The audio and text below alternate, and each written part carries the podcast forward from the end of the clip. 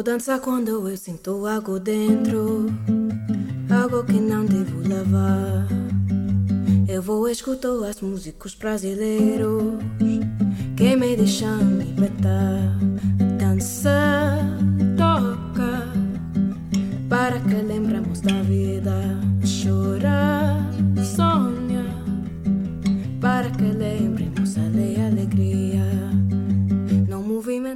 Bos días, boas tardes ou boas noites dende o recuncho de Arquitecturas en Fronteiras, no segundo andar da Escola de Arquitectura de A Coruña. Estás a escoitar o episodio 30 de Habitando, un podcast, un falangullo, do Grupo de Educación de Arquitecturas en Fronteiras Galicia. Eu son Juan Ortiz, e como no episodio pasado, estou só agora mesmo, pero por pouco tempo, xa que tras ler unhas cantas novas do acontecido nas últimas semanas en Arquitecturas en Fronteiras, deixareivos coa miña compañeira Marta Casal, que estará acompañada de Luz Quiroga, xefa de estudos do CEIP Sanjurjo de Carricarte no período 2015-2017, Natalia Rivas, terapeuta ocupacional e profesora da Facultade de Ciencias da Saúde, e María Mascuñana, que está a facer o seu traballo fin de grau sobre procesos participativos e transformación de espazos. Contaránnos a súa experiencia en trocar os patios escolares en algo distinto a ese modelo tradicional que se reproduce dende hai décadas mesmo en centros educativos de nova creación.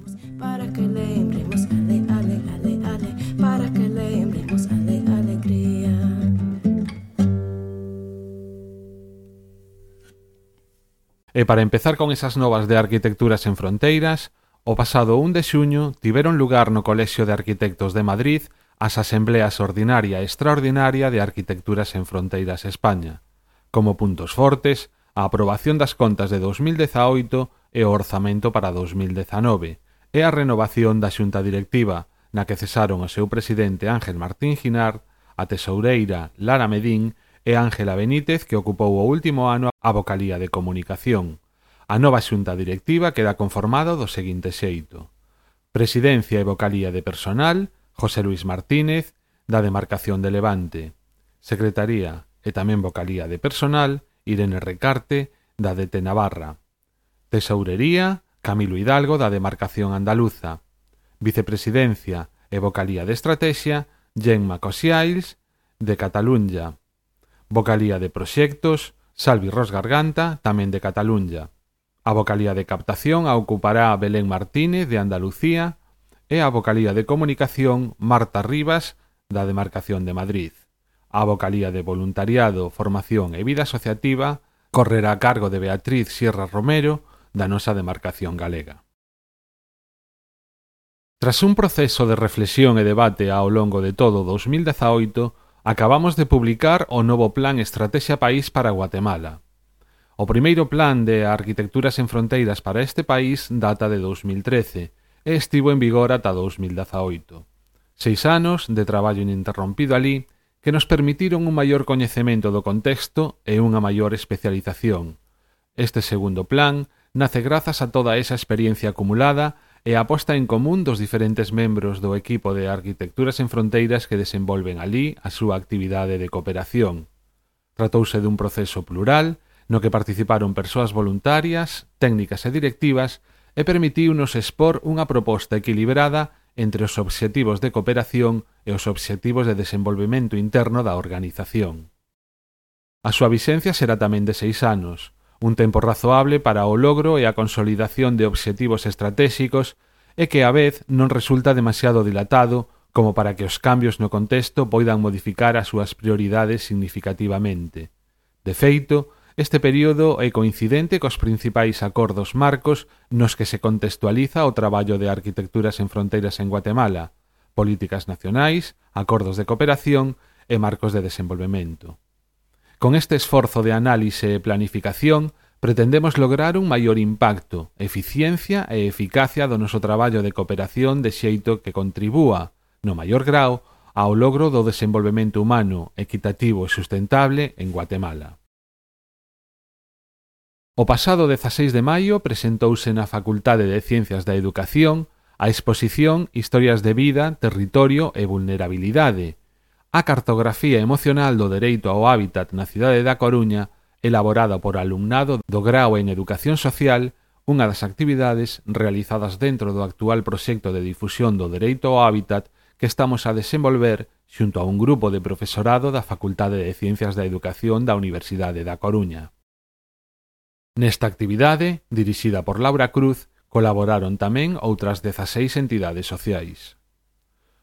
O obxectivo que se pretendía cadar coa iniciativa dirixíase a contribuir a mudar o estigma social que acompaña as persoas en situación de exclusión e vulnerabilidade, visibilizando aquelo que nos une, o espazo que habitamos e as emocións. Así, a partir de entrevistas a 71 persoas en situación de senfogarismo, prostitución e privación de liberdade, nas que se procurou a diversidade de sexo, idade, etnia e procedencia, construíronse 238 relatos de presente, pasado e futuro que narran as súas vivencias e vinculacións emocionais co territorio, a forma en que perciben, senten e problematizan a cidade. O resultado é un gran mapa colaborativo e subxetivo dos afectos que poderedes atopar na ligazón que acompaña as notas deste podcast. A exposición pública ideouse como unha sala cartográfica, espazo de encontro no que ademais de presentar os relatos, buscábase que as persoas participantes, un total de 160 entre alumnado e profesorado da facultade, entidades sociais, persoas en situación de vulnerabilidade e cidadanía en xeral, conectaran emocionalmente desde a proximidade das narrativas, intercambiaran vivencias e enriqueceran o mapa con novas voces historias e realidades. Unha promo y comenzamos. Hola a todos, yo soy Félix y hago un podcast. Se llama La Biblioteca de Trantor. ¿Que ¿De qué hablamos en este podcast? Escucha. Y para hablar de Conan, eh, primero tenemos que hablar de su creador, de Robert Erving Howard. Vamos a ver si le damos un repasito a, a la fundación y, a este gran escritor que es Asimov. Estamos hablando ni más ni menos que de Blade Runner. Eh, vamos a hablar un poquito del autor, de Frank Herbert, y luego ya pasaremos a, comentar sobre su obra insigne, que es Dune. El capítulo de hoy lo vamos a dedicar a, un clásico de la fantasía épica, por no decir el clásico de la fantasía épica, como es eh, El Señor de los Anillos. hablaremos, si no lo habéis averiguado ya, de los viajes en el tiempo. Y un ejemplo claro de esto es eh, la serie de la que vamos a hablar hoy, que es Battlestar Galactica www.labibliotecadetrantor.com, tu podcast de ciencia ficción y fantasía. Y también en iTunes y en iVoox.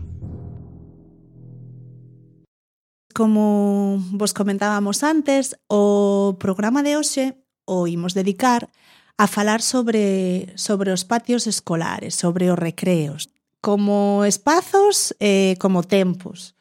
Vamos a falar desde unha perspectiva bastante transdisciplinar, afortunadamente, porque contamos cun montón de persoas, o sea, aquí, que nos van a aportar as súas experiencias e, e as súas visións.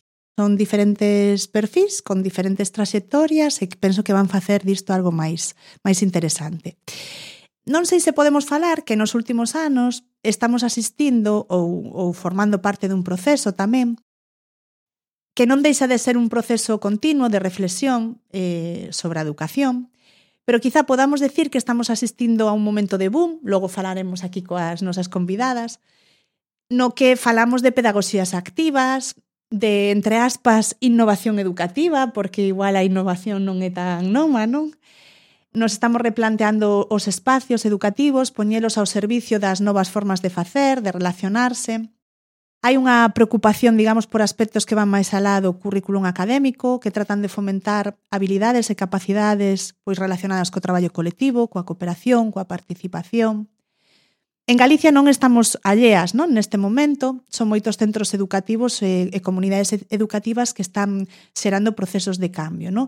e repensando os seus espacios, as dinámicas que se dan nos espacios do, CEM, do centro, e particularmente nese espacio, nese tempo, que decimos que é un tempo libre, que ás veces é un burato negro onde non se sabe moi ben o que, o que pasa, que son, é un momento de, de recreo, de xogo, de relación, pero tamén pode ser un espacio de, de conflictos, de, de abusos, de, de acosos, e onde pasan todas estas cousas que nos preocupan, non?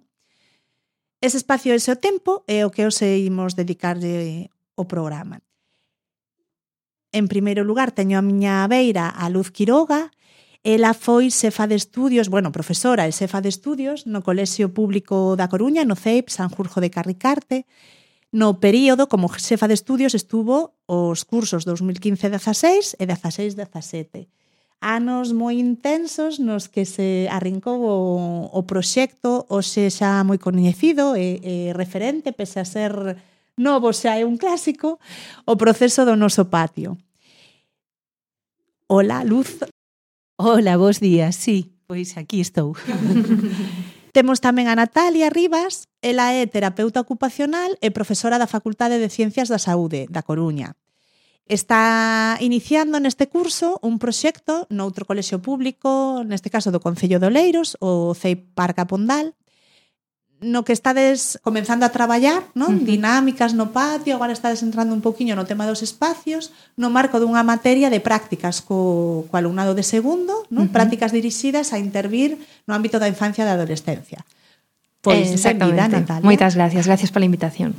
Eh, tamén está María Mascuñana, ela é educadora, eh, educadora social e agora está rematando o grado de educación primaria e está facendo estas cousas que tocan facer, que é o traballo fin de grado, dedicando ao tema dos procesos participativos non vinculados á transformación dos espacios. Así que, bueno, creo que o primeiro proxecto, o primeiro traballo fin de grado na Facultade de Educación da Coruña que toca un pouco este tema.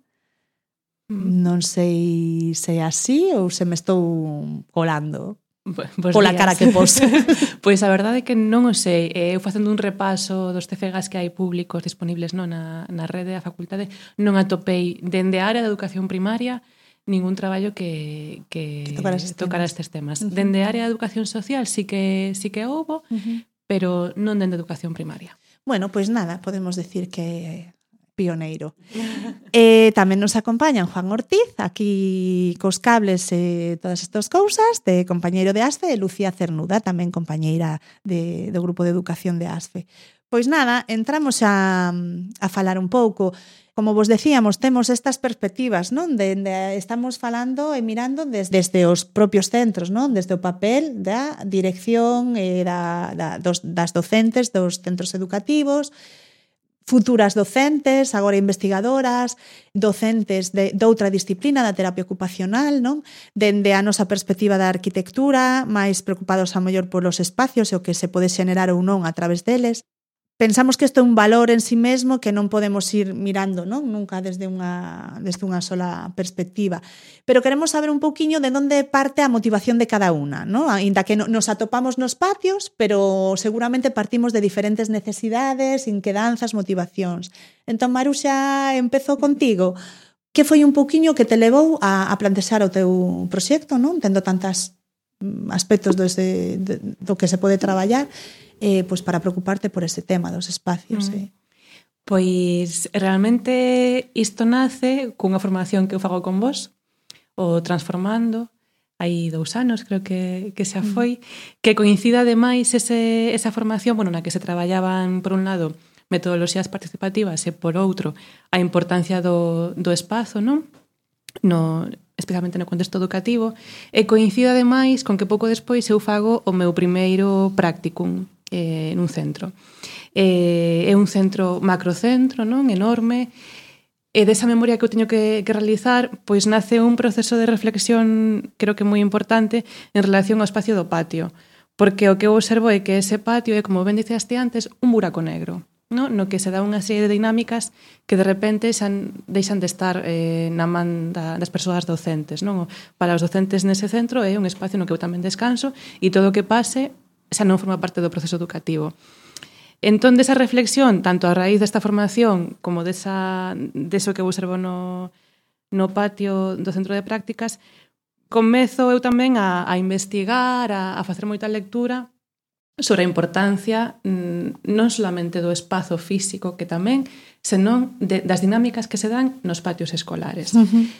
E a raíz aí, pois, eh, comezo a coñecer diferentes experiencias, por suposto o noso patio, non que xa se estaba levando a cabo daquela, Eh, as redes sociais axúdame moito, neste caso pois, o grupo Reinventando Patios en, en Facebook, onde aparece tamén moitas iniciativas doutros centros, E, e cando chega a hora de, de decidir que, que facer no traballo de fin de grado, pois eu decido ir por aí por un interés persoal uh -huh. e porque penso que eh, dentro do que a formación de educación primaria non se toca este tema. ¿no? Uh -huh. que tamén me parece que é importante. Non se traballa sobre a cuestión dos patios educativos.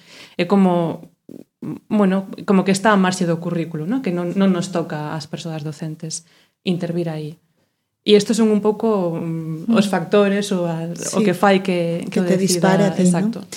Vale, pois gracias. Eh, no teu caso, Natalia, bueno, no teu, no vosso caso, de, uh -huh. de onde surde un pouco, é como un pouco máis novedosa, non? Uh -huh. Non coñecemos experiencias, eu polo menos, que dende a terapia ocupacional estén traballando agora mesmo en patios, por iso nos parecía moi interesante que puderades estar, eh, porque, como dicíamos, non é solo o espacio de actividade que se dá nese espacio, non? Uh -huh, entón, de como, como vos plantexades, como empezades aí? Pois, mira, a verdade é que como moitas cousas na vida, non? Que van pasando e te atopas aí nun, nun proceso e todo empeza, empeza a encaixar. Eh, este cole foi o meu cole para empezar, non? Entón sempre hai un cariño especial. E de ter ese cariño especial, pois eh, estou atenta e de repente vexo algunhas eh, noticias no, na prensa na que parte da docentes do, do centro están facendo eh, accións comunitarias de concienciación coa, co medio ambiente, non? Un pouco Entón, aí pasan dúas cousas. A primeira é que eu volto de estar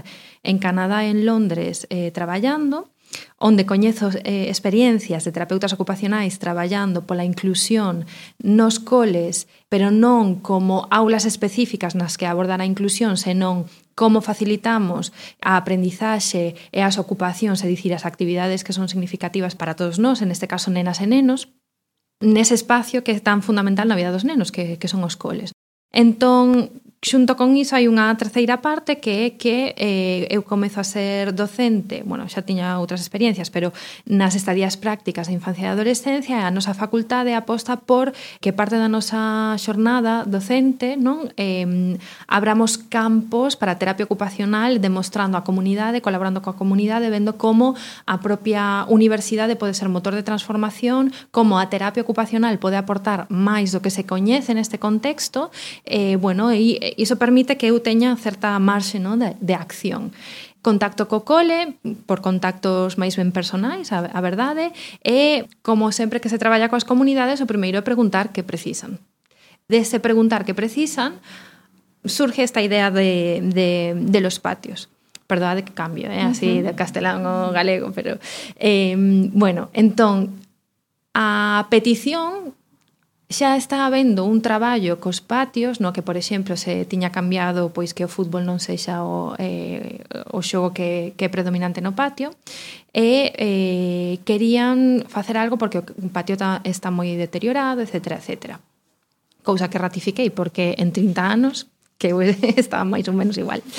Entón, claro, a pregunta é podemos vir cos nosos eh, estudantes para colaborar con vos, si sí, xenial, en que, en que podemos colaborar e, mm, bueno, a cuestión dos patios, vale, a cuestión dos patios.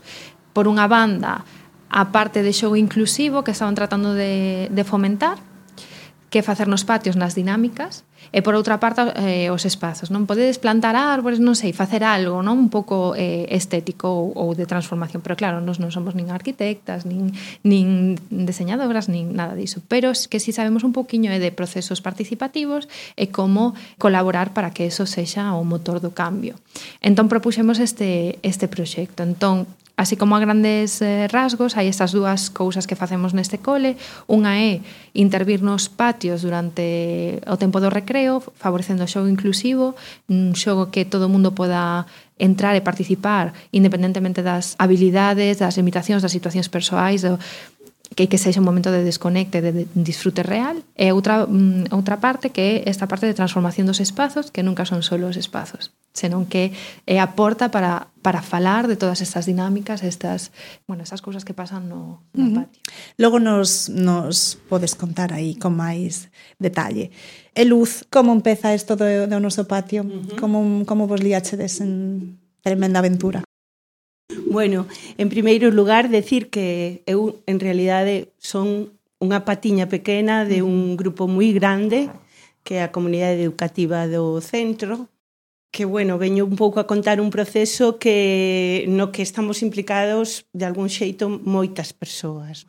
De alguna maneira, queríamos que fose toda a comunidade educativa, nunca é posible que seña a comunidade educativa completa, pero esa era a idea inicial.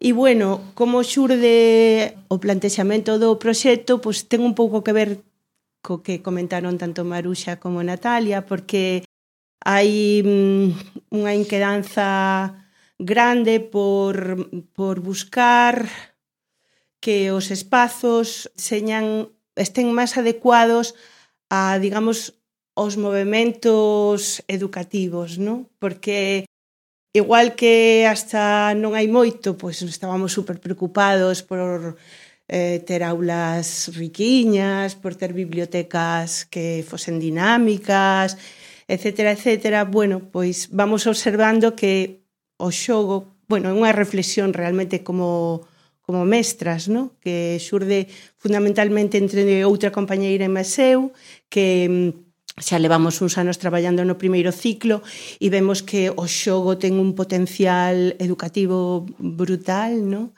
E entón que ese xogo está como moi limitado, no? Eh, que os espazos onde se produce esa dinámica son moi limitados. E que, ademais, non é só o tempo de recreo, é que realmente eh, ese xogo se pode convertir nun, nun potencial educativo moi grande. No? E entón, bueno, de, un, de alguna maneira, de a nosa chegada ao equipo directivo, unha inquedanza que hai por parte das familias no centro, un centro que xa ten unha tradición de digamos, de proxectos participativos non o millor tan ambiciosos como este, pero bastante curiosos. Un centro onde as familias entran, participan, veñen ás aulas, pois traen os seus saberes e os comunican e os comparten e teñen moita gana de, de, de facer máis, non? Pois dai empeza aí a xurdir esta especie de, de burbulla, ¿no? Donde vamos aí, a ver, temos que al, temos que facer algo, como manexamos, de como plantexamos. E bueno, así non se pode definir moito, porque nun primeiro momento pensamos, pois unha intervención así que lle deu unha volta, un lavadiño de cara, que o poña riquiño e tal, e despois as cousas van indo por outros camiños, van medrando, van xurdindo outros outros derroteros e bueno, e a cousa pois vai engrandecéndose. Despois xa explico un poquinho. Non? As chispas son un pouco diferentes, non? É dicir, aquí parece que a primeira chispa é pois de, de algunhas persoas docentes que observades, sí, non? Como sí. que que o espacio está limitando o potencial sí, nese momento de xogo sí. dos nenos, non? Sí. Que ese espacio pode convertirse sí. noutra cousa e eh, favorecer outras dinámicas e outro desenvolvemento dos nenos. No voso caso, xurde un pouco de fora da escola, aínda que xa na escola había unha inquedanza, pero chega un actor externo, non? Inicialmente a decir, aquí estamos para para aportar, é un pouco esa sensación como para ese punto de partida, non? Porque ás veces É moi importante nestes procesos identificar como comeza, as fortalezas diso, as debilidades para ir dando uh -huh os pasos, non? Eh... Non sei se me sinto moi cómoda exactamente con iso, porque Pero como non, decía, por eso te digo, claro, intento a ver se si comprendemos eso, ben ou... Non, como mm, a pregunta era máis ben como eu entendí, sí. como chegas ti como sí. persoa aí, eh, pero sí que é certo que de xeito similar ao que está comentando Luz, sí que había proxectos participativos, Ajá. hai unha demanda das familias, a demanda da comunidade ben de parte da orientadora polas demandas da familia. Vale. Eh, xa tiñan feito algunha intervención de pintar de transformar dentro do centro, pois poñer toda, eh, como se di, mm, teñen todos carrís, ten, hai, hai toda esta tradición participativa. Uh -huh. eh, sí que é certo que esta oportunidade que dende a facultade de ter un personal con determinadas habilidades e tempo para claro. poder aportar eh, fai que eso como que simplemente como nós nos vemos e, eh, e ao igual que di Luz, eh, somos unha parte pequeniña porque isto é enorme, non? E, e se van sumando actores e veñen e van e, e, e, e algúns permanecen, non? Durante todo o proceso. Eh, pois iso, somos unha patiña moi moi pequeniña e o que facemos, a nosa idea é que somos catalizadores do que xa está aí. Uh -huh. Realmente eu contei un pouco como Como personalmente, ti, conectas, Natalia sí. chega aí, pero sí. de feito, por exemplo, Despois se unen máis xente do equipo da universidade, voluntarias, eh, outras compañeras da, da Facultade de Educación que tamén están colaborando, uh -huh. eh, moita, moita outra, outra xente que tamén, gracias pola pregunta, porque así sí. eh, podo clarificar esa parte. Xa existía, eh, uh -huh. algunhas accións xa existía a inquedanza, uh -huh. eh, en, durante todo o proceso foron parte Uh -huh. Estamos sendo parte todas, non? Iso. Uh -huh. Pois penso que é importante aclarar porque ese é o motor, non? O, o, ao final, o sea, podemos chegar, non? Pero ten que haber aí alguén movendo, sostendo e co coa motivación, que non sexa solo a parte de, de todo o que se pode aportar, non, dos actores dende fora. Bueno, pois agora que estamos aí situadas, como arra arrancou eso, non a importancia, pois o mellor podemos falar de, de que exista ese motor interno da comunidade, non das familias, de que as familias mm, empuxen non? A, aos centros, aos equipos directivos, porque, como imos ver, son procesos largos e moi complexos, é dicir, eh, non son cousas de dous días que poñen a proba non moitas cousas non da, da fortaleza da, da comunidade e que tamén fortalecen non a... pero bueno, contádenos un pouco aquí Luz, por exemplo, que tes un percorrido máis longo sei que é larguísimo, sei que é un proceso complexo, eh, logo daremos tamén no blog as referencias do que está sistematizado para que a xente poida ver un poquinho o que o como foi.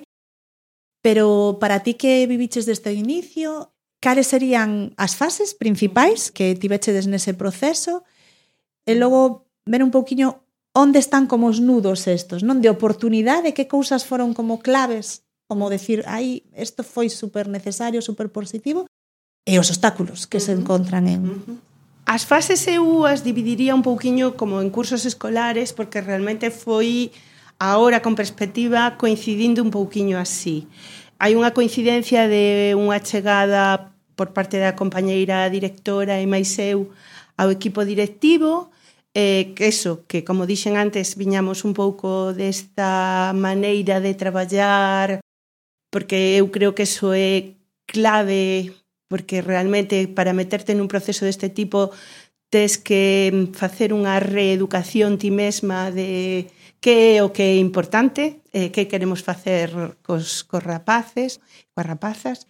E bueno, entón hai un primeiro curso que xurde a idea, que non é solo que xurda de estas persoas, sino que tamén hai unhas conversacións, unha interacción con xente que está na AMPA, con familias, Tamén decir que para nós é super importante eh, que realmente se abran as portas do cole, que as familias eh, aporten, porque os nenos, e sobre todo en estas etapas, non están compartimentados, non veñen ao cole a aprender matemáticas, linguas, sino que para que aprendan eso necesitan moitísimas outras cousas e eso entra e sae, polo tanto a comunicación coas familias é super importante. E, e bueno, empezamos aí a, a ver o tema, nun primeiro momento pensamos en, xa dixen antes, bueno, pois unha intervención sinxela, que de alguma maneira poña o tema así un pouco máis bonito, máis estético, máis, con máis verde e tal. Pero, bueno, facemos un pequeno borrador de entrada, pero a partir de aí empezan a xurdir, pois, e como tratamos a seguridade, e como tratamos a financiación, etc, etc.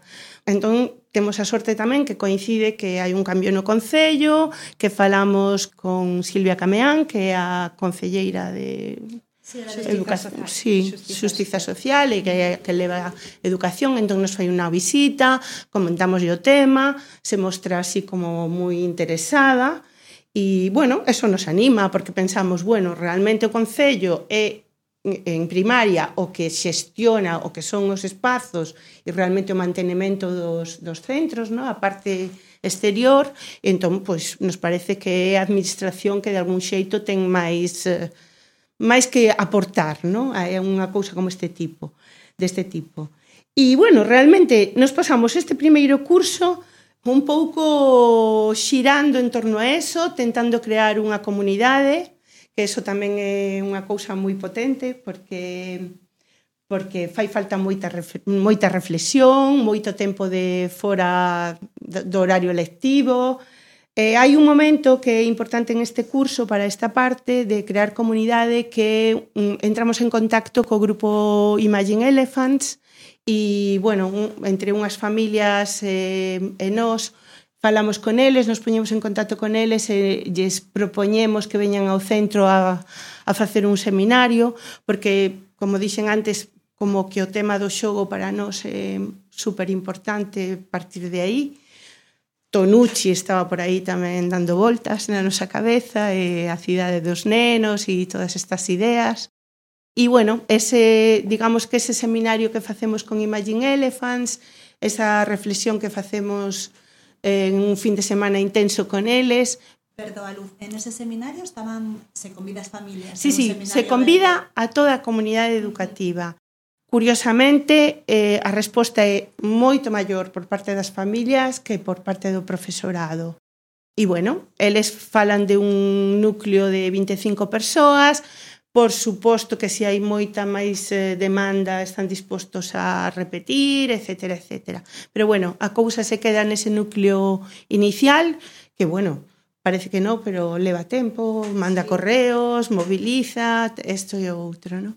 E entón, a partir de un pouco dese seminario, empezan a xerarse como unhas comisións, unha comisión de comunicación, unha comisión de investigación, porque, bueno, eh, despois de que xa miraches ves que hai que hai por aí cousas, pero cando empezas, pois, bueno, non sabes moi ben para onde mirar. Abrichedes unha caixa de Pandora, non? Imos ver un documental, imos facer aquí un seminario con imaxe en elefas e bum. Exacto. E aí se abre, bueno, pois pues eso, esa pois a ver como facemos, ¿no? Despois empeza a ver esa comisión de investigación que empeza a investigar sobre outros procesos que se fixeron en outros sitios, Cataluña, Euskadi, aparece por aí o tema de Ludantia tamén, aparecedes eh, vos como arquitectos sin fronteiras tamén en algún momento, hai páxinas que son claves, unha que se chama Covas más na terra ou algo así, que te vai enlazando bueno, Cataluña aparece aí como mm, vamos, moitos coles como cataláns, sí,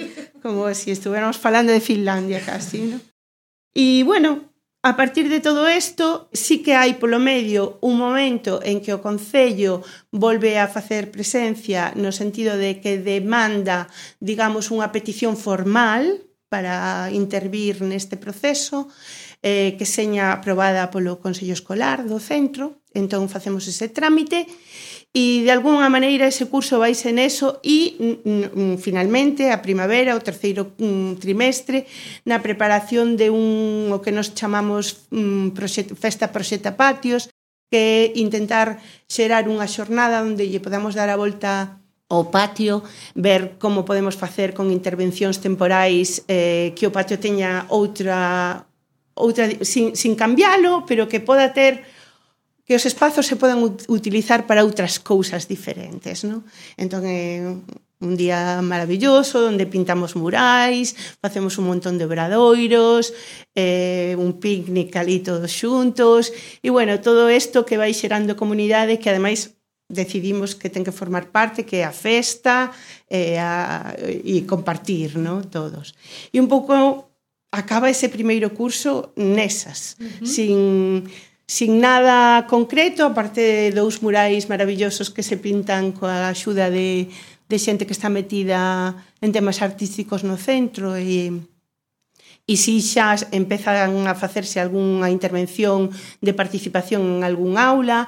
Natalia antes falaba de fotografías e nós tamén traballamos a partir de eso, porque proxectos anteriores traballáramos con fotografía en curso no COCEGAI, que son proxectos super interesantes, entón os nenos xa estaban un pouco afeitos a eso, e a partir desas fotos, pois eles fan collage, pegan cousas, a ver que querían, bueno, por suposto empezan a salir eses, esas cousas increíbles dos nenos, no? de... Unha cousiña. Decías agora, Luz, que bueno que rematades este ano, despois de describir esta primeira fase, este arranque, este crear comunidade, sin nada concreto, non? Sí. E quería como chamar un pouco a atención sobre iso para precisamente poñer o foco na importancia de todo eso que parece nada concreto, non? De, de, de esa idea que está como aillada en algunhas cabezas que se vai conectando, pois pues, socializala, facela máis pública, uh -huh. poñela en común, eh, ir xenerando espacios, todo o que contaches, non? De, sí. de, de falar dun tema, de ir compartindo conceptos, de ir xenerando esa comunidade, de facer festa, de... Uh -huh é como super importante, non? É, é, concebir a semente, empezar a plantala... Uh -huh. E o digo pola importancia destas fases dos procesos que igual están na base de que sosteña posibilidade sí. de, sí. Sí, sí, de ir a máis, non? Sí. Que, que ás veces non o valoramos, non? Nos, porque estamos tan centrados no produto, o sea, no resultado, e o que falamos, non? Falamos de procesos educativos, participativos, e... Eh, sí e que ten moitísimo valor e toda a enerxía que leva eso, sí, sí, e que, sí. que ti mellor que ninguén podes saber. O que pasa que, claro, ti ves de experiencia de proxectos que se traballan máis eh, nun contexto máis escolar, non? Uh -huh. Entón, mm, ti programas, programas tempos, claro, de repente cando te metes nun proxecto deste tipo, eso se desmorona completamente porque hai marchas adiante, marchas atrás, eh, os tempos mm, dos nenos, os tempos das familias, os tempos da administración non coinciden, e eh, bueno, eh, todo eso se demora moito, non? Pero sí que é certo que ahora, con perspectiva, é necesario todo eso para... O que pasa que, claro, eso ralentiza moitísimo todos estes proxectos. Uh -huh. Pero bueno, empezamos o seguinte curso que para min é os, a segunda fase que sería realmente a potente de participación con unha resposta do Concello que nos envía ao equipo a equipa de Rexenerando e mm, para traballar cos nenos sobre todo cos nenos, aínda que elas tamén utilizan unha metodoloxía que despois incluen tamén familias, personal non docente, claustro de profesores, eh, para que todos eses soños de que queremos que seña o patio se concreten en algo. E ese algo vai ser unha maqueta, cosa que nos parece super interesante porque mm, vemos que os nenos eso os motiva moito, van a producir algo e producindo ese algo pois empezan a producirse un mogollón de procesos entre eles. Decir que Rexenerando integrouse nesa non sei, nese fío conductor casi máxico que se xerara perfectamente, que empregaron unha linguaxe maravillosa, de cariño, de coidado, de, bueno, estupendísimos. E, bueno, traballaron durante casi catro meses dentro do centro, en horario lectivo.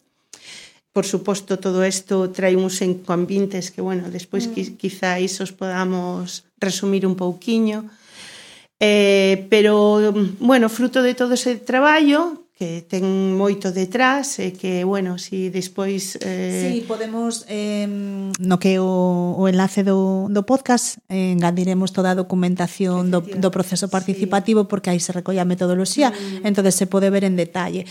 Pero, bueno, vamos sí. avanzando. Hai un informe maravilloso donde elas explican perfectamente como foi un pouquiño todo o proceso de todo ese traballo xurde unha maqueta, unha maqueta que aparte de, de estar en más de Rexenerando participan arquitectos que, que son papás do cole, que, mm. bueno, tra, traballan, nos facilitan planos, etcétera, etcétera.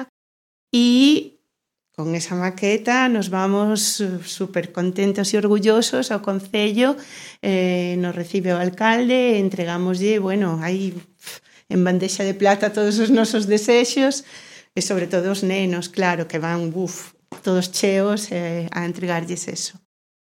A partir dese momento xurde outro, digamos, algo que despois identificamos como dificultade eh, nun proceso deste tipo que rexenerando desaparece e ten que aparecer outra figura que é eh, a figura de un arquitecta que vai a digamos, eh, plasmar esa maqueta e eses desexos e ese informe da, do equipo de participación en un informe técnico, porque o necesita o Concello, así. Claro, que ocurre? Novamente se ralentizan os tempos, unha equipa desaparece, aparece unha persoa allea, pero que necesita toda esa información que non é unha información que se pase así, plaf, contoche, non? sino que hai que empaparse de alguna maneira de todo o que se está facendo e de todo ese proceso participativo. Pero bueno, novamente esa persoa intégrase ás mil maravillas, tamén con un cariño e un, vamos, estupendo e sale ese informe técnico. Hai unha, unha devolución por parte do Concello e nos falan de que, bueno, en ese informe saen moitas cousas porque o patio é un espazo grande, eso sí que temos sorte, que hai bastante espazo no cole, e que todo non o poden acometer, porque claro, hai partes que, que lles correspondería a consellería, etcétera, etcétera pero que sí se van a definir unhas fases e que pensan que hai unha primeira fase que se, quizáis se poda levar a cabo no último trimestre deste mismo curso. Estamos no 2017, non? Efectivamente, 16, 17, que coincide tamén con que nos rematamos no equipo directivo, co cual tamén mm, bueno, xera así hai unha, unha especie de inquedanza de que vamos facer porque os tempos non van coincidindo, non? O Concello fala de que esa intervención a vai a facer coa axuda de mm, as escolas Obradoiro, as escolas municipais, e, bueno, nos fala dese último trimestre. Pero, bueno, sí que nos deixa como, digamos, acompañante de, do proceso a esta arquitecta, Carmen Fabregat, que xa está moi metida no tema, e entón, a pesar de que Mm, esa intervención non chega a facerse, a comunidade novamente volve a, a mobilizarse, se comenzan un traballos dunha horta, se volve a facer un proseta patios, etc. etc. É dicir, eh, tedes xa eh, como para ubicarnos. Ese primeiro ano de posta en marcha, no segundo ano facedes o proceso participativo, Ajá. non? Con Resenerando e sacades sí. o produto da maqueta. Exacto. E se fai o proxecto técnico, pero non se consiga aínda concretar. Exacto. E volvedes vos coas vosas mans. Exacto. Eso a é. facer algo, non? Vale. E O que pasa é que as nosas mans, de alguna maneira, teñen un límite. Claro. Vamos a volver a pintar, vamos a volver a plantar, claro. que facemos? Claro Entón, bueno, remata así ese curso, sí te, teño que decir que durante ese verán sí que hai unha intervención de obra importante, o que pasa que non é, digamos, vistosa para os rapaces, que é unha intervención que se fai nas bancadas con vistas a unha próxima intervención que temos pedida así na maqueta porque as bancadas son as típicas bancadas de pista, de cemento horribles e na maqueta está pedido pois poñer cores, mm, meterlles madeira por enriba, etc, etc. Pero sí que hai que facer unha intervención de obra que si se fai durante ese verán, que aínda que aparentemente non é vistosa para a comunidade, sí que é importante para un traballo que se vai a facer despois. De todas as maneiras, ao incorporarnos no seguinte curso, que eu sigo no centro máis como coordinadora do proxecto xa, que non tanto no equipo directivo, eh, nos poñemos en contacto coa Concellaría de participación, eh, por favor, e que os nenos volven, levan dous anos dándolle voltas e necesitan ver algo. Entón, e entón eh, se nos aproba un pequeno proxecto que forma parte de, do grande, que é a construción dun túnel vexetal con cabanas Entón nos poñemos en contacto con outra arquitecta, o sea, a arquitectura está tomando moita presenza en todo o proceso. En ese primeiro trimestre construímos ese túnel vexetal con unha estrutura de bimbio e todo isto, o cual xa nos dá algo, algo no? Mm. que os nenos mm, participan, uh -huh. é moi bonita ademais a maneira en como se fai, porque se fai en horario lectivo, baixa todo o mundo, desde os de tres anos hasta os máis maiores, todo o mundo de alguna maneira participa e iso. Que outras cousas pudechedes ver materializadas sí. e como está agora respecto a esa maqueta e proxecto proxecto grande? en que porcentaxe está feito, cal é un pouco a expectativa, como como vedes concluir eso bueno. ou non ou eh, o sea, estamos vendo un pouco como de como manexar as expectativas e os tempos, mm. non? Porque vemos que son procesos moi largos que pode ser o, o proceso académico case dun, dun, mm. dunha nena nun cole, non? como ir dando sentido a cada fase, a cada momento, mm-hmm. e, eh, bueno, un pouco a mellor os riscos desto é traballar coa frustración e mm. coas, mm. bueno, como ir pouquiño a pouco, non? Nas expectativas para son procesos largos, en que punto, digamos, quedou cando ti saíches do centro, porque sí. xa non estás ali, e como pensas que se perfila ahora? Ajá. Bueno, teño que decir que este curso, xusto despois de facer isto do túnel vexetal, Si xa hai unha resposta do Concello, si xa se interven nesa primeira zona que, da, que formaba parte da maqueta e que era prioritaria. E, e ademais eh, o deseño lle corresponde a, a Carmen Fabregat que nos acompaña durante todo o curso e os nenos participan nese deseño e consiste como nunhas zonas de axardinadas con bancos de madeira eh, contenedores de madeira que van a estar fora para que os nenos podan meter caixas con xogos para sacar todos os días no cole. E aí van a participar pois, a Escola Obradoiro de Carpintería, a de Pintura e a de Xardinería. E durante o terceiro trimestre eh, ocurre todo eso. Entón hai primeiro un impas eh, pero que non nos quedamos parados porque os nenos eh, Mm, xogan con Carmen a deseñar todo isto e a ver que espazos van a ocupar e bueno, empezan a facer as, os seus pinitos casi arquitectónicos, no? e despois xa se concreta ao final de curso.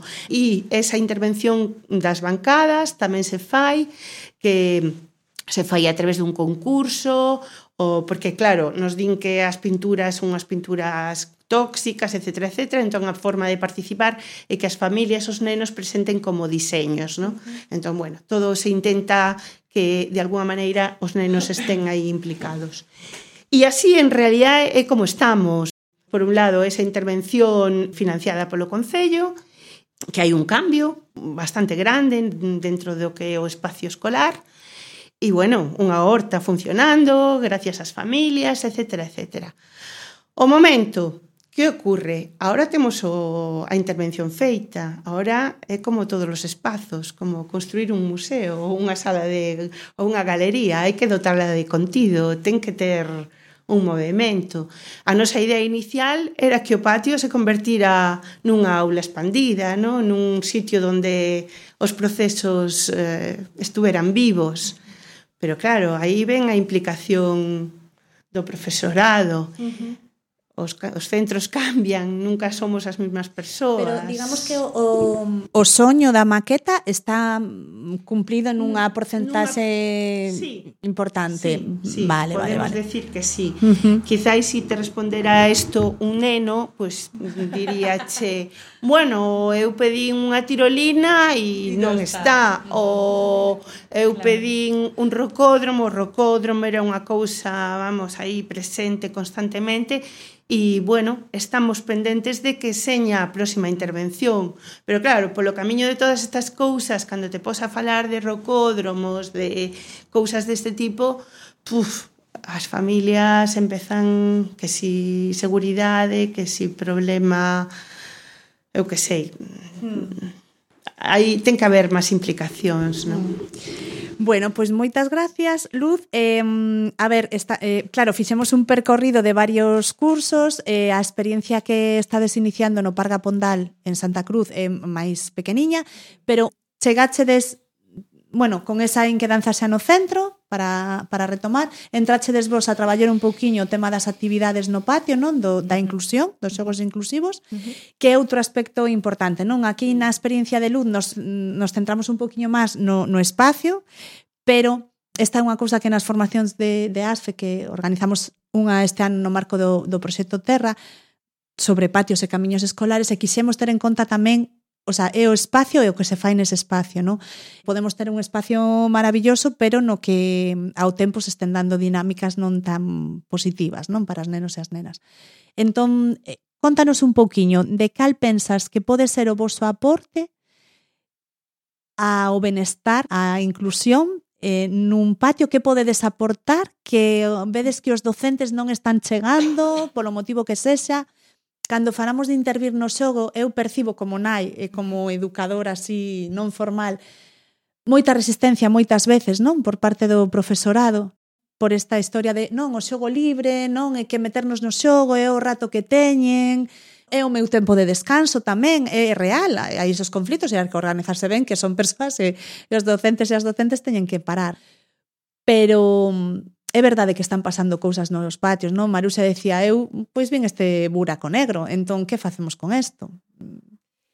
Pois sí, pois mira, eh, con respecto a esa parte da, da colaboración especificamente, para min foi unha sorpresa, porque, como digo, eu non estaba traballando nun contexto escolar, eh, por máis que teóricamente ti tes unha idea, non? Do que é, pasaba un pouco como Maruxa, cando, cando cheguei ali e, ve, e vin o que pasaba no patio con ollos de adulta, E de profesional, pois a verdade é que quedei bastante impactada, non? Como Unha vez máis, isto era unha iniciativa tamén xa da, da comunidade educativa, do claustro, de quitar o, o fútbol, que foi bastante, eh, houbo tensión, non foi quitarlo absolutamente, senón desplazarlo para o pabellón e turnarse os cursos para poder eh, xogar ali e ter o, o resto da pista para outras actividades con outros nenos. Que é o que aportamos dende terapia ocupacional? Eu creo que o que facemos, mm, non sei, seguramente, moita xente non coñece o que é a terapia ocupacional, estou moi acostumbrada, vou no explicarlo rapidamente. Gracias polo micrófono. eh, o que facemos dende terapia ocupacional é eh, eh temos un nombre así pouco comercial, pero moi indicativo do que facemos, que é facer terapia, promover a saúde, non só intervir eh, no momento que hai un problema, senón tamén antes, a través das ocupacións. E as ocupacións son as actividades que facemos todos os días, que son significativas que eh, para nós. Eh, esas son as actividades de ocio, de desfrute, pero tamén as productivas que no caso dos nenos pode ser a, a educación, o traballo en adultos, e as actividades da vida diaria, as AVDs, non? Pois dende ir ao baño, comer, ir á compra, etc. etcétera. Entón o xogo é unha das ocupacións principais dos nenos e a través do xogo educamos, a través do xogo promovemos a saúde. Que coñece que que formación específica? Sempre dicimos que temos como un peno social e un peno sanitario. Temos moita información sobre que son os distintas eh, pois diagnósticos, eh, moita formación nesa parte da rama sanitaria que é a diversidade funcional e despois que pasa nos contextos eh, e como todo isto mm, se mistura para, para que é o que pasa na vida diaria, non? Pois se eh, eu teño un diagnóstico de TEA, que é o que está pasando na, no meu día a día. Pero non só teño un diagnóstico de TEA, se non teño unha idade, se non teño unha familia, se non estou neste contexto específico, como todo eso eh, está interrelacionado e como podemos facer para, abordando todas estas dinámicas, fomentar a autonomía eh, da, neste caso dos nenos as nenas ou das familias. Entón, esa mirada que é o que nos permite analizar o que pasa no, no patio de, con, con toda esta información, é dicir, que actividades polo xeito de como están diseñadas esas actividades, fomentan que todo o mundo poda participar ou non, ou todo o contrario. Dende esa mirada o que facemos é comezar a, a bueno, a, a traballar cos nenos para ver que os xogos fan como os podemos negociar, en esa negociación tratar de que os xogos que, se, que acordemos podan ser de fácil participación independentemente das nosas capacidades, independentemente das nosas situacións, independentemente, entre comiñas, da, das idades, porque non, non hai que xogar non tan por idades e estar tan neses bloques tan estrictos. E vamos construindo cos nosos estudantes de, de segundo, porque así tamén toda esta reflexión é con eles, é unha experiencia de aprendizaxe para eles, Como?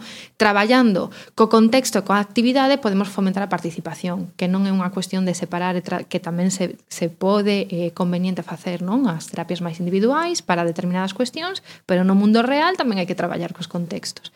E comezamos a facer eso cos nenos. Entón, eh, positivo que temos nesta posición de externas, que non somos profes. De feito, cada vez que nos chaman profes, non, non son profe porque é outro lugar. Entón somos que construímos esa alianza ca, ca, cos cativos, na que non somos profes e vamos a xogar, e vamos a xogar xuntos e vamos a pensar xuntos como xogamos. E vaise creando pouco a pouco unha dinámica no patio onde hai un espazo que lle chamamos o final, que foi construído ao longo de dous cursos académicos, eh, xogo para todos. Levades dous cursos traballando. Dous este cursos. An, este curso, digamos, e o curso e o anterior, pasado. O sea, sí. Xa... sí, o que pasa que non estamos durante todo o curso, porque claro, esa posición que eu teño significa que eu simplemente podo ir nun cuatrimestre, non? Porque outro cuatrimestre teño outras cousas que non podo. Pero sí que, que son dous cursos. Primeiro comezamos indo por todas as aulas, preguntando que xogos lle, lles gustaban, por qué, presentándonos, falando con eles. Hai unha, un traballo feito dende orientación que é que o alumnado de sexto de primaria. Está, neste caso, o que estou a falar é do, mm, hai dous patios no, neste cole, o de diante que lle chamamos eh, infantil ata primeiro de primaria, de atrás eh, segundo de primaria ata sexto. E o alumnado de sexto participa neste proxecto no que hai xoguetes, eles son os que eh, xestionan os xoguetes no, no, no tempo do recreo. Entón, eh, claro, esos serán os aliados naturais non para facer esta, esta o sea, intervención. xestionan para todo o alumnado. Para todo o alumnado. Eh, uh -huh. De feito, tamén fan parte de fan parte de mediación, fan parte eh, van ao patio dos máis pequenos para tamén xogar con eles. É dicir, é un cole que, que ten per se, como dicía eh, Luz, eh, xa esa es, cultura, non? ten que esa cultura, ten esa apertura, mm, ten unha potencialidade inmensa. Por eso, cando ti me claro. comentabas antes, me sí, quedei sí. un pouco aí, non, sí, non era sí, o que no, quería dicir. Eh, entón, nos colaboramos aí. Uh -huh. Esa é a parte de terapia ocupacional como no, no en, Entendo tamén entonces que, que bueno, ter esa apertura porque penso, bueno, que, que xente externa, sí, ti sí. non eres profe, entre nun sí. espacio como patio, non? Que pois pues, tamén como igual estas experiencias nos van dando como cale, cale o sustrato que xa hai que favorece, que, que xa hai unha cultura de apertura, de participación, de querer que as familias formen parte, de como máis... Mm, eh, e bueno, é, ca, é cando non temos eso. Mm, no, nos resignamos, é dicir, como que vías podemos empregar para para baixar resistencias, é dicir, porque sodes aliadas, está desfavorecendo... Eh... Pero non significa que non, non houvese resistencias. Outra cousa vale, entón... é, é dicir, sempre hai nunha comunidade tantísima xente, claro, non? Sí, sí, sí. E, e na propia, como en calquera traballo, como en calquera sí. comunidade hai de todo, non? E no noso caso, moi moi conscientes mm, de facer traballo comunitario noutras, noutras contornas, e de manexar expectativas e manexar resistencias, uh -huh. e como ir transformándonos en aliadas en, en todos os niveis, non? Porque é para os nenos, pero tamén é para as profes. Claro. Como non vimos aquí a, a xuzgar a ninguén, claro. non vimos aquí a darvos máis máis traballo e como ir manexando todo iso, non? Uh -huh. Bueno, vais a facendo. Eh, Natalia, podes darnos un truco? Trucos, non o sei, non sei. Non, non truco, pero decir, bueno, pois sí, nos atopamos con que tipo de medos hai, porque cando falamos de resistencias, non falamos sí. de mala xente ni non, de falamos nada. de medos moitas veces, de de inseguridade, non, de a educación e os coles son lugares complexísimos. Entón, eso, logo as familias queren seguridade, se metemos isto, uf, hai moitos actores aí que que armonizar. Claro. Que tipo de medos en xeral pensas que están presentes, non? A hora de meternos nese lugar que por unha banda nos estamos metendo, pero nos dá medo tamén que o patio, os espacios máis libres, máis descontrolados. E medos propios tamén, eh? que uh -huh. tamén están, uh -huh. claro. Eh, eu creo, pola miña formación, pola nosa traxectoria. en concreto dende terapia ocupacional somos dúas profes eh, e temos a un grupo de terapeutas ocupacionales voluntarias, en concreto dúas compañeiras que están eh, voluntariamente colaborando con este proceso. E o que creo que somos sempre, sempre moi conscientes do proceso reflexivo e poñernos na pel do outro. Porque cando hai un medo por parte das familias ou por parte da, do profesorado de que non suban as gradas porque caen, que dende fora pode ser tan sinxelo como dicir, bueno, a vida é complexa, non? Que suban e que ta ta ta ta. Claro, se non, eh, eh, simplemente xuzgamos esa, esa reacción, pois xa, xa estamos mal xa non, xa non vamos a crear ninguna resistencia. E despois moita comunicación, moito diálogo, moita reflexión, moita empatía. E despois, por, por suposto, sempre hai pois igual técnicas ou de, de, de mediación ou de... Pero eu creo que a reflexión é o que lle dicimos aos nosos estudiantes, sempre a reflexión crítica é, é fundamental. E sempre fago unha é que me dá ata vergoña dicilo, pero é que funciona. Cando lle dicimos aos estudiantes a crítica, claro, Digo, non a criticado Sálvame, eh? por favor. Empecemos a pensar críticamente un pouquiño porque é fácil caer no, no, no superficial, non? Isto non se fai... Non, vamos a ver que cales son as... Eh, todas as cuestións institucionais, as cuestións culturais, as cuestións económicas de tempos, de responsabilidades, todo iso como está xogando un papel, o que non se ve, como está xogando un papel no que estamos vendo, non? Uh -huh. Non sei se contesto a tua sí, pregunta. Sí, sí, eh, bueno. Eh, como, o que, como pensamos nos, uh -huh. pero non sei. Que dirías ti que cal é a túa satisfacción neste proceso? Decir, me, nos levamos ata o momento isto. Penso que estamos poide, podendo aportar ou estamos descubrindo como profesionais da terapia, non sei o que vos aportou a vos, e o que vos estades aportando a esa mellora do funcionamento, do funcionamento e, bueno, un poquinho isto, e logo como conectades estos cos, cos espacios, que, mm. que hai aí? Pois eh, eu creo que hai días tan maravillosos no patio onde de repente somos 80 nenos xogando, somos, eh, me considero nena, porque aí estou como, estou como unha nena máis, non? Ou, ou intentando. Eh, 80 xogando, ou ver que algúns nenos e nenas que ao principio pois participaban observando dende lonxe ou non participaban ou participaban un minuto, dous, que estén todo o tempo do recreo, que os compañeiros os busquen, que, que se faga iso, eu creo que é a maior satisfacción. Incluso entrar no cole pola mañán e que te veña a preguntar hoxe temos xogo no patio, como facemos? Ver como no, nesa última etapa na que nos marchamos, porque acabamos, como o, a dinámica está creada, e os nenos e as nenas de sexto se ofreceron para bueno, negociamos con eles para continuar esta, isto que xa está funcionando, non sei, te, teremos que voltar e ver se isto sigue funcionando. Eu creo que esa é a maior satisfacción. E despois de, da parte profesional é amosar non solamente a, a comunidade educativa, senón a, a, aos nosos compañeiros que podemos facer cousas máis aló do, das catro paredes da institución na que estemos, non? Que hai moitísima xente traballando en asociacións, super necesario, moitísima xente eh, atención temperá, hospitais, etcétera, super necesario, pero que hai moito máis que podemos facer. Bueno, eso, un pouco. Con respecto aos espacios, bueno, é que eu estaba, vamos, que super agradecida e eh, maravillada de escoitar a luz, porque hai moitísimas cousas que estamos eh, vivindo, non? Dende, dende a, a necesidade da, da, do produto non? E como manexar todo iso ata, ata ideas que estaba comentando que creo que podemos ap aportar agora para este proxecto. Eh, o que fixemos neste proxecto foi eh, xusto o ano que o voso segundo ano foi o ano que nos empezamos Entón, coñecíamos un pouco a vosa, a vosa trayectoria e comenzamos falando moito tamén, tratando de, de crear esa, esa, esa parte de comunidade, eh, falando do proxecto, facendo reunións, claustro, equipo, eh, familias, cos nenos, etc. Despois de aí, propuxemos o proxecto facendo as fotos, aportaron ideas, etc, etc. Un primeiro trimestre, o seguinte ano, este curso académico, de que todos os nenos e as nenas sacasen as fotos, pero como excusa para reflexionar sobre o que pasa no... As fotos nos... son sobre deles ou, ou dos espacios? Son dos espazos. Ah, vale, vale. Porque tamén hai que manexar... Outro día falamos disto no, e logo me quedei, pero fa, facían fotos deles mesmas dos espacios? Non, facían... Do que lle gustaba sí. e o que non lles gustaba dos claro, espacios. Vale. Como, como excusa para, fa, para falar dos espazos, non? Entón, houve esa primeira parte de sacar, eh, traballaron en equipos, obviamente adaptado, porque non é o mesmo os nenos máis, pequeñi, máis pequenos que os, que os maiores. Eh, éramos un equipo de reporteiras, non? Que teñamos que facer un traballo importante, porque se, se non somos os expertos do patio e queremos transformalo, pois temos que comunicar. Entón temos que sacar fotos que lle mostren ao resto da xente para que nos veña a axudar de que é o que está pasando no patio. Alucinante, alucinante. Eh, super divertido para eles, para nós, pero alucinante a mirada dos nenos e o claro que, que o teñen. E como iso nos permitiu entrar. Unha vez que sacan as fotos, vou contar moi sí. rapidiño esta actividade para que vexades un pouco como foi.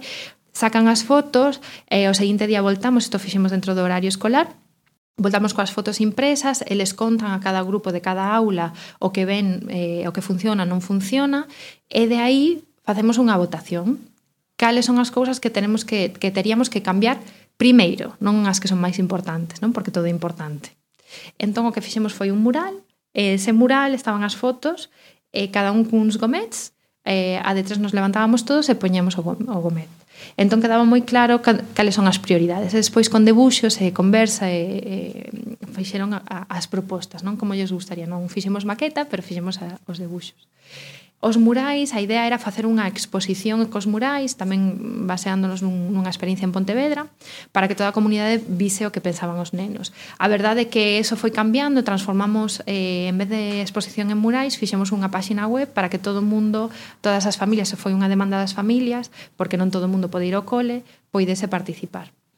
Despois fixemos o mesmo co profesorado e coas familias, e, bueno, de distintas cuestións. A parte un pouquiño distinta neste caso é que fixemos unha análise cualitativa bastante profunda das características do que nos estaban dicindo os nenos. Entón xa saí, saían cousas como a seguridade, non? Con os medos, e que non nos deixan facer, e que claro, eso ten que ver con os medos que temos os sí, adultos. Que, que o que máis les importa a eles? Diz, a mirada deles, eles o ten clarísimo. Que é o que teñen clarísimo? Que dista da nosa mirada? Como... Mm, houberon varias cousas, non? O primeiro o chan foi unha cousa clarísima, tamén un chan que que duro, lles limi, no? moi duro, moitos eh, grietas que lles limita facer, teñen medo a caer, a raspar, heridas, etc, etc. As gradas que son super eh, que son perigosas, que non nos deixan subir, pero que a vez necesitamos un, un precisamos un espacio para estar tranquilos, e pode ser iso, pero non o podemos usar, non todas as tensións, cousas curiosas como para min, polo menos, como eh se queremos beber porque non, mm, non nos acordamos de traer a, a botella de auga, solo temos unha fonte, esa fonte de pedra é perigo, perigosa, hai nenos que non teñen o bocata, precisamos unha, un espazo para ter eh, comida saudable, tamén había sushi, bueno, esas cousas que non, e despois as, as pelexas, non? Eh, clarísimo, dende os máis pequenos, que eran as pelexas entre eles, pero tamén as pelexas coa natureza, porque non coidamos a natureza e as pelexas entre nenos. E despois a conciencia ecolóxica, non? Como estamos dicindo, é un cole que ten unha fortaleza tremenda desa concienciación e traballo con respecto á, natureza e a ecoloxía e cambio climático, etc. etc. Entón, nos, pero claro, eu teño un, unha papeleira que eu mido, non sei canto é isto, a ver, arquitectas, axúdame, que é un 50 e a papeleira está pois un 60, non sei, unha, uns contenedores destes grandes, non, e non podemos empregalas. Moito con respecto á accesibilidade, é que a xente de, de cadeira de rodas non pode pasar, aínda que hai unha rampa é moi estreita, etc, etc, non? Entón, esa como moi... Eh, teñeno super claro, super claro esa análise como máis profunda cualitativa así que nos permite ter de primeira xa eso identificado. E aí é eh, agora des... que vos planteades empezar por esas prioridades dos nenos? O que fixemos como... foi resumir todas esas prioridades Claro, a análise foi unha cousa do equipo, non dos nenos. Entón, tem, o que fixemos foi voltar aos nenos a dicirlles entendimos ben o que queríades dicir. Uh -huh. Si, non, que pensades. Fixemos eso con todo, con todo o cole eh, um, sí, máis ou menos entendemos ben algún detalle que, que matizar, e despois as familias para que vesen, que visen o que pensaban os nenos. E tamén as coincidencias, porque fixemos o mesmo co profesorado e co, coas familias, que é maravilloso porque coincide moitísimo co cual está aí, xa está aí, e onte precisamente tivemos unha reunión coas familias para comentar todo isto e empezar a traballar. E estamos na, na fase de pensar en como facer as comisións, como empezar eh, estas ideas que, que estabas comentando do equipo de investigación, o equipo de mm, son ideas que están que están aí. O sábado teñen unha xornada e son as propias familias as que van a facer a, a labor de difusión desta, desta información e de captar a máis xente para unirse a, a facer xa o necesario para cambiar. Ent estamos aí. É dicir, agora mesmo xa hai unha comunidade máis grande, non? Está o centro, sí. a dirección do centro, o profesorado, estades vos como un actor externo e están as familias xa implicadas. ¿eh? Están eh? as familias, están o profesorado, están os nenos, está o noso equipo de terapia ocupacional que eh, inclúe os alumnos que fixeron traballos con ideas, uh -huh. etcétera.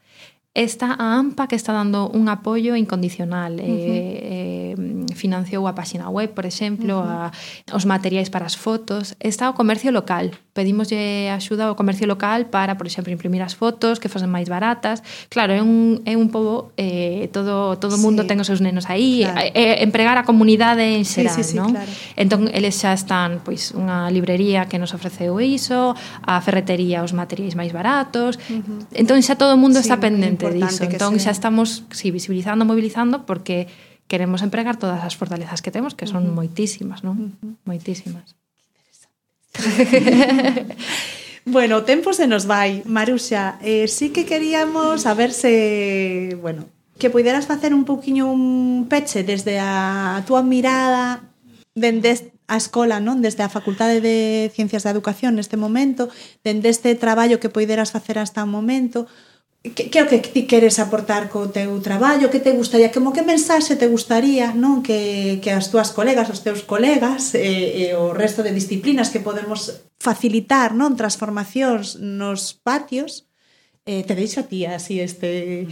É unha eh, gran este, pregunta. Este, este regalito envenenado. Eh, mm, bueno, podemos aportar todas, non? Sí. Pero esa túa visión que non estás implicada nesos procesos, mm. neste ir, vir, eh, romperte un pouco a cabeza, estás aí mirando como dende fora, observando, falando con estes actores, É unha pregunta complicada, porque hai, de feito aínda non teño tampouco as conclusións feitas, uh -huh. todavía estou así bebendo un pouco de... Uh -huh. Bueno, acabo de descubrir eh, esta experiencia maravillosa, Natalia. Uh -huh. O que estou vendo, en primer lugar, eh, son as resistencias non? Uh -huh. Mm, nos equipos docentes. E non me gusta decirlo porque, bueno, vou ser unha futura docente, non? E, entón é como tirar pedras contra o meu propio tellado, pero sí que o vexo. E, e aí remítome tamén a, a causa principal ten un sentido e o sentido para min é que en, en tres anos de, de formación, catro anos de formación, pois é un tema que non se toca, non, non solamente o tema dos patios, senón a cuestión da convivencia, da inclusión de todo alumnado no, no espacio que estamos habitando. É, é algo que non se toca. Eh, a formación que temos está moi limitada aos contidos curriculares. E todo lo demás Uh -huh. é como que non existe, non?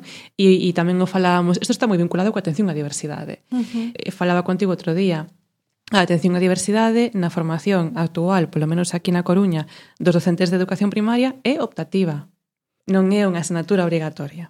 E isto é, claro, é, é grave. Non é grave porque de 120 persoas matriculadas Estou facendo un cálculo aproximado, pero creo que solamente 50, 60 estamos matriculadas nesta asignatura. Entón, claro, isto explica o que pasa despois. Esa é unha das conclusións.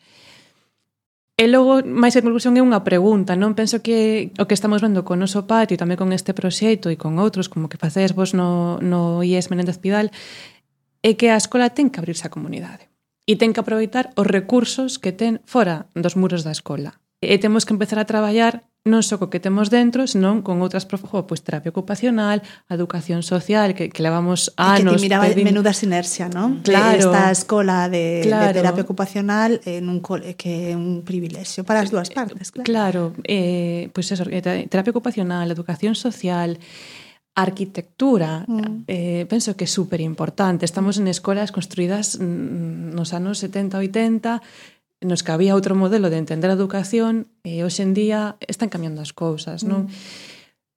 Entón, bueno, creo que son un pouco así a, a grandes rasgos a, as conclusións que eu estou sacando, a importancia de, da formación mm, no, no que é a universidade e de abrirse a, a comunidade e aproveitar os talentos da comunidade. E, eh, bueno, aí veme a cabeza un pouco a metodoloxía do Oasis, non? Que, que ao final vos estáis bebendo un poquinho deso, estamos aproveitando que talentos hai fora da, da comunidade eh, para mellorar, ao fin e ao cabo, a, o proceso educativo no, nos centros. Sí, sí. sí, que os muros sean menos muros, non? Igual aí podemos ir a tirar un pouco, sí. pero mm, sí, o tema de abrirse das resistencias, un pouco todo isto, bueno, non sei que viña a decir, pero terminamos así con unha ronda como que, que che gustaría pechar, Luz, sei que isto é enorme, aportaremos toda a documentación que atopemos, a web do proceso do Parga Pondal, que te gustaría poñer, que aprendiches ti, como un último peche, non? Eh, para a xente que este iniciando ou que este pensando meterse nisto, que tampouco lle de medo, que ao final... Bueno, eu quería o primeiro engadir un pouquiño ao que comentou Maruxa, que hai outra Outro factor que sempre esquecemos é que cando te poñas a traballar vas a topar como outra resistencia brutal que é a administración educativa. Hai pouquiño lin nun, nunha noticia que un destes coles cataláns que están pelexando co tema dos patios e xa se construíra en plena ebullición deste tema querían prescindir da pista e a administración obligoulles a poñer a pista porque forma parte do bueno, hai unha maneira de ver, unha maneira de educar que, que eu penso que é fundamental rachar con ela. Mentras non as rachemos con ela dunha maneira interna nos personalmente cada un de nós e despois que a administración realmente se conciencie de que esa revolución é necesaria porque xa non estamos neses tempos. O sea, non nos podemos pasar seis anos de primaria ensinándolles a ler e a escribir, porque e que xa veñen aprendidos de casa, como quen di, hai que facer outras cousas, non? Entón, bueno, que este tipo de, de proxectos axudan, pero claro, ti tes que ter por unha parte un apoio aí de administración, porque se non tes eso, non podes vencer as resistencias que se dan no profesorado, non podes vencer as resistencias que se dan nas familias porque van a, a utilizar, non, non, é que a inspección di e que non sei canto di e que tal. O currículo di que ti tes que estar cinco horas na aula sentado facendo isto, isto, isto, isto. Mentres non haxa, penso eu, esa parte, o sea, que a reflexión, efectivamente, como di Maruxa, temola que facer como estudantes ou como as escolas de educación ou como mm, docentes, pero que hai unha parte importante eh, que, que ten que, de alguna maneira, reflexionar sobre todo isto tamén e apoyarnos, vamos. Sí, todo, todo ese marco legal, esa burocracia que te dá pa diante ou te, pa, ou te dá pa, pa atrás, non? Sí, sí. Mm. Ou hackeala un pouco, ou tuneala, ou mareala, pero ao final está aí, está aí. moito traballo. Está aí, sí, efectivamente, claro. Moitas cousas a vez, sí, non? Sí, de sí. alguna maneira tes que estar atendendo a parte curricular sí. e despois a outra parte que é na que crees, que é increíble, non? Mm. O sea, é como unha eterna contradicción, ¿no? Mm. Todo o tempo, como que mm. te xera aí, ti por unha parte estás vendo por onde van os rapaces, por onde queren ir e por onde está a forza e a enerxía, e por outra parte tes que estar cumplindo con algo que diste, pero de verdad, por que teño que estar perdendo tanto tempo? Porque a túa idea, ¿no? Que estás aí. Bueno, e ese é un sí, pouco... Estamos nesta transición, nesta sí. crisis, pero bueno, a ver, hai un conflito, obviamente, eh, eh, bueno, pero pero hai propostas. Sí. Neste conflito surden estas cousas, non? Eu penso que é un pouco un síntoma de, de non? No patios está brotando un pouco esta contradición, é eh, o espacio no que pode Sí, pero de momento nas administracións educativas non hai unha pregunta de que está pasando, que está desfacendo. Polo menos nós non a recibimos. Uh -huh. Quero dicir, que resulta que este proxecto trascende sí. noutros ámbitos e a Consellería de Educación non preguntou que está pasando. Impresionante porque foi un proxecto premiado, non? Claro. Unha bienal internacional sobre educación, arquitectura e infancia o, o engaridiremos tamén no, na, na web eh, como, como primeiro premio de, de como proceso, non? Valoraron moito todo, bueno, pues toda a solvencia do proceso, non? Un minutiño para ti, Natalia. Que consello darías a xente que consello ou mensaxe a persoas ou coles, centros que neste momento se estén plantexando, por exemplo, ou teñan dúbidas sobre intervir no tema do xogo no patio, se pode contactar con vos, hai recursos para ir a máis coles, como... Podemos argallar algo, non pasa nada. Porque eh. te fixes xa mesmo. Pois mira, pois é eh, unha das cousas que queríamos facer con estas experiencias é eh, informalas, visibilizalas para poder replicalas, non é tan difícil non é tan difícil, é ter a, por suposto a, a vontade de as distintas, distintas, distintos actores da comunidade e contactar coa xente que ten as, as habilidades, as ferramentas para poder facelo. é, é que eu o que digo é onte, eh, outro día no patio, a cara dos nenos xa é que é todo, é que ti é, é que cambia tantísimo, é de historias de non querer ir ao cole a, a, a querer esperar un momento do patio para xogar ou estar contando ás familias os resultados mm, das fotos gatos e que onte tivésemos uns cativos ali que, que non me deixaban falar porque e que o querían contar eles porque é deles o proceso e que eso é impresionante. Mm. Eso non é unha transformación eh, aínda que os resultados non se vexan, eso queda para, para toda a vida. Eh, entón, un cambio na cidadanía, é un cambio eh, na, na nosa na nosa sociedade. Mm. Eh, e creo que eso ten tanta potencia, é o que te, temos que facer, non? Como, a, mm. como adultas neste mundo que, que estamos e despois que é super divertido, que de verdade que, que para adiante porque é super divertido e hai un aprendizaxe enorme. Entón, non sei, eso é un pouco a conclusión. Eu, eu quero poñer en valor tanto polo traballo que, bueno, xa falamos noutro momento que ASFE está tamén levando a cabo nun, nun instituto eh, da Coruña, no Ramón Méndez Vidal, non? E, e polo que vos aportades aquí, E penso que para outras experiencias como centrarnos neso que ti dis, non? O, eh, o feito de que eses rapaces que irán contar, miren a, a, a súa contorna con eses ollos de que me gusta, que non me gusta, que me vai ben, que nos va, vai ben, pensar eso un colectivo, non? Eh, penso que esos son aportes moi grandes e que, e que igual cando nos metemos neste, nestos procesos temos que irnos tamén como reeducarnos, ti decías, temos que cambiarnos, mm. reeducarnos e poñer en valor desde o principio iso para ser capaces de como de transmitir iso e que esas expectativas, non, que se si non teño un rocódromo al final, pois pues bueno, pero pero todo o proceso é é o que vai aportar, Exactamente. non? Exactamente, e co que estás falando, só unha cousiña rápida, é, é que eles sexan conscientes do poder que teñen uh -huh. e que tamén manexen as frustracións porque son parte desta realidade, non é porque moitas veces non eu quero a tirolina cando me poñedes a tirolina, claro. non, non, isto non vai claro. de que che poñamos ningunha claro. tirolina. Que facemos xuntos? Porque se eso é algo que é prioritario para vos, como facemos? Pensade, é, é, é eso é o que transforma, non? Eu creo. Sí.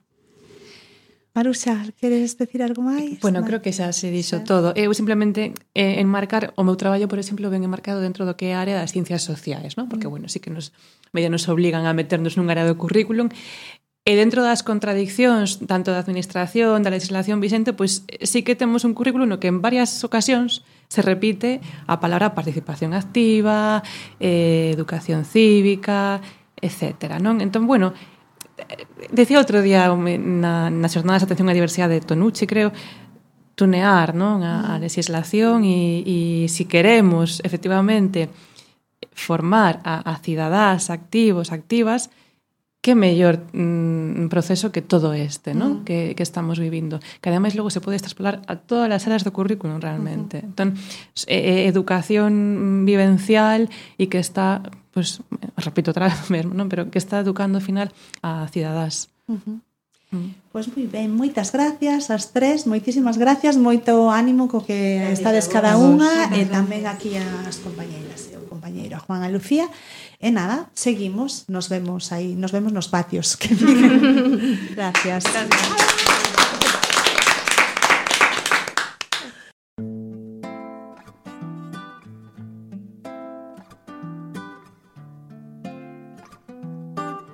Territorio doméstico.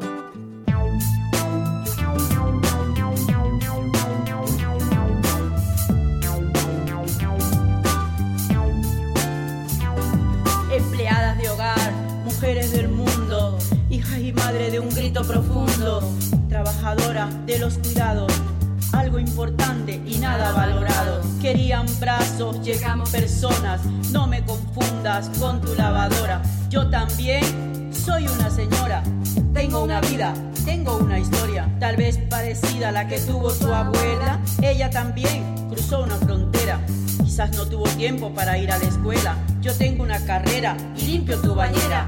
Aunque te deje la cocina brillante, me haces de menos porque soy inmigrante. En mi país se llaman de otra forma los objetos y yo no te cuestiono, yo no te etiqueto. Trátame bien, merezco tu respeto.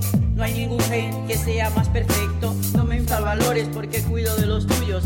Es un trabajo que hago con orgullo. ¿Cuánto más me quieres explotar? Tengo una familia que alimenta. Ah, ah. ¿Por qué no te pones en mi lugar? Ah, ah, ah. ¿Por qué no te pones en mi lugar?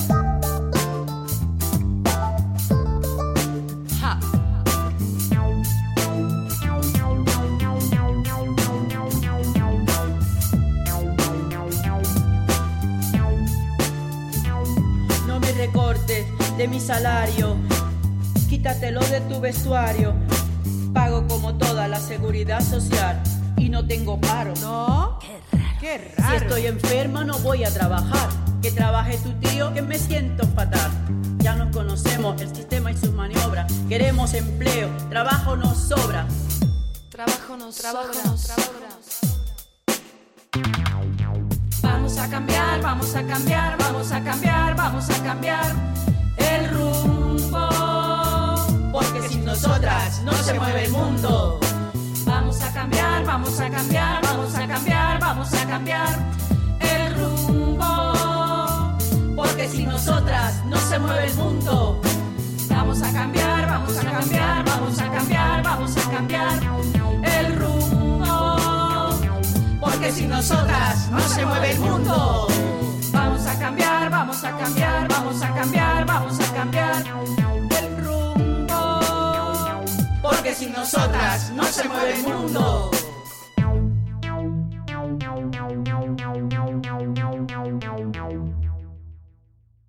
Antes de marchar, unha serie de recursos sobre todos estes temas dos que atoparedes ligazóns na entrada correspondente a este episodio na nosa web. Para empezar, a web do Proxecto Patio, CEIP Isidro Parga Pondal, o proceso da Facultade de Terapia Ocupacional do que nos falou Natalia. Tamén a sistematización do proceso explicado por Luz, o noso patio, dende a que están disponibles os PDFs cos informes do proceso participativo e da maqueta do patio. Ligazón tamén ao grupo de Facebook Reinventando Patios, un lugar para intercambiar ideas, soporte, soños e proxectos relacionados con novas formas de deseñar ou modificar os patios escolares. Ali falase de patios e dos tempos de xogo libre nas escolas. E por último, a web da Asociación Ludantia, que naceu a carón da Bienal en Arquitectura e Educación da que tanto vos temos falado aquí en Habitando.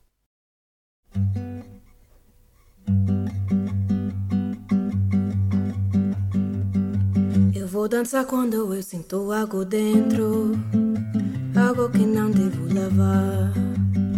Eu vou escutar as músicos brasileiros me deixa libertar.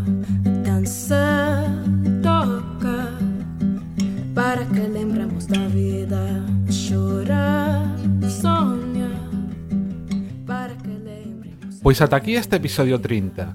Podedes nos deixar un comentario sobre este ou calquer outro tema nas notas do episodio na nosa web galicia.asfes.org En Twitter atoparedesnos como arroba asf-habitando ou en arroba asf-galicia. E tamén temos páxina en Facebook. Recordade que Habitando ademais de na nosa web está disponible en iVoox e iTunes. Toda a música que soou neste episodio, a nosa sintonía, a canción A vida de Maya Solovey e a canción Porque sin nosotras no se mueve el mundo, de Territorio Doméstico, distribúense no momento desta grabación con licencia Creative Commons, ao igual que este falangullo e a maioría de contidos de Arquitecturas en Fronteiras. Nada máis, moitísimas grazas a todos e todas por chegar ata aquí e esperamos vos no seguinte episodio. Adeus!